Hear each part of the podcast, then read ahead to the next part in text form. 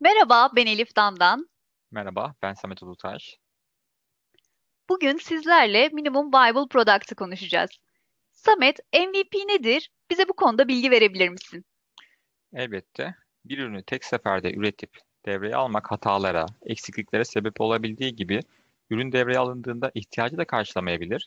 Agile'in temelleri arasında yer alan iteratif arttırımlı üretim yaklaşımında ise her iterasyon sonunda bir önceki iterasyonu üzerine koyarak yani arttırımla ilerleyerek üretilen ürün parçası üzerinden müşteriden geri bildirim alınır ve alınan geri bildirime göre ürün adapte edilerek müşterinin asıl ihtiyacı olan ürüne ulaşılabilir.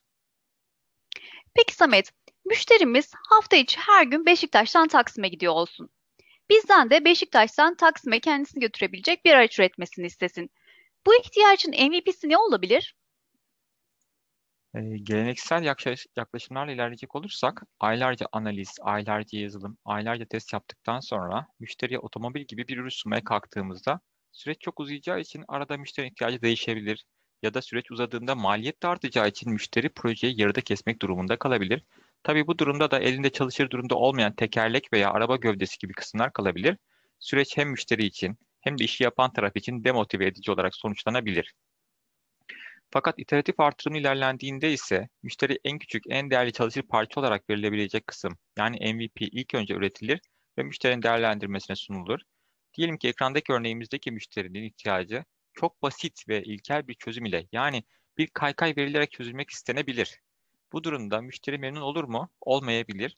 Ama basit, ilkel ürünü çok hızlı teslim edebileceğimiz için müşteriden de çok hızlı geri bildirim alabilme ve adapte olabilme şansımız olacaktır. Diyelim ki müşterimiz ben kaykayla yön vermekte zorlanıyorum desin ve direksiyon gibi bir şey hayal ettiğini düşünelim. Ve bu durumda en yakın birkaç iterasyon içinde direksiyonlu kaykay verdiğimizi varsayalım. Bu aşamada müşteri memnun olur mu? Yine olmayabilir. Hatta geri bildirim olarak da yokuş yukarı gitmekte zorlandığını, daha hızlı gitmek istediğini söyleyebilir. Bir sonraki aşamada müşteriye bir bisiklet verdiğimizi düşünebiliriz. E, peki her bir iterasyonda farklı bir ürün veriyoruz sanki. Bu durum israfa neden olmaz mı? E, her bir iterasyonda farklı bir ürün vermek elbette israf yaratır. Fakat bu örnekteki amacımız metaforik örnekler kullanarak sadece konunun anlaşılmasını kolaylaştırmak. Yoksa her iterasyonda ayrı bir ürün vermek değil.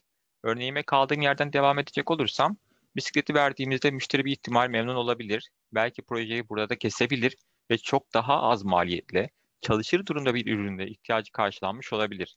Ya da geri bildirim olarak bisikletle gitmesi halinde terlediğini ama toplantılara yetişmesi gerektiğinden terlemek istemediğini, buna istinaden bir değişiklik ihtiyacı talebi iletebilir. Bu durumda kendisine motosiklet verdiğimizi düşünebiliriz ve müşteri çalışmaya halen devam etmek isterse de belki sıradan bir otomobil değil de üstü açık bir otomobile evrileceğimizi hayal edebilirsiniz. Müşterilerimizin ihtiyacını iyi anlamak çok önemli ama bazen müşterimiz bile ihtiyacını karşılayacak en doğru ürünü doğru şekilde tanımlayamayabilir. Bu durumda anladığımız kadarıyla en doğru ve en ilkel ürünü müşteriye en kısa sürede sunmak ve ondan bir an önce çalışır ürün üzerinden geri bildirim almak çok değerlidir. Bu da aslında Henrik Nieberg'in ekranda paylaştığımız görsel üzerinden de anlaşılabileceği gibi MVP yaklaşımıyla ilerlenmesiyle mümkündür. Değerli paylaşımların için çok teşekkür ederiz Samet. Ben teşekkür ederim Elif. Tekrar görüşmek dileğiyle. Agile olun, agile kalın.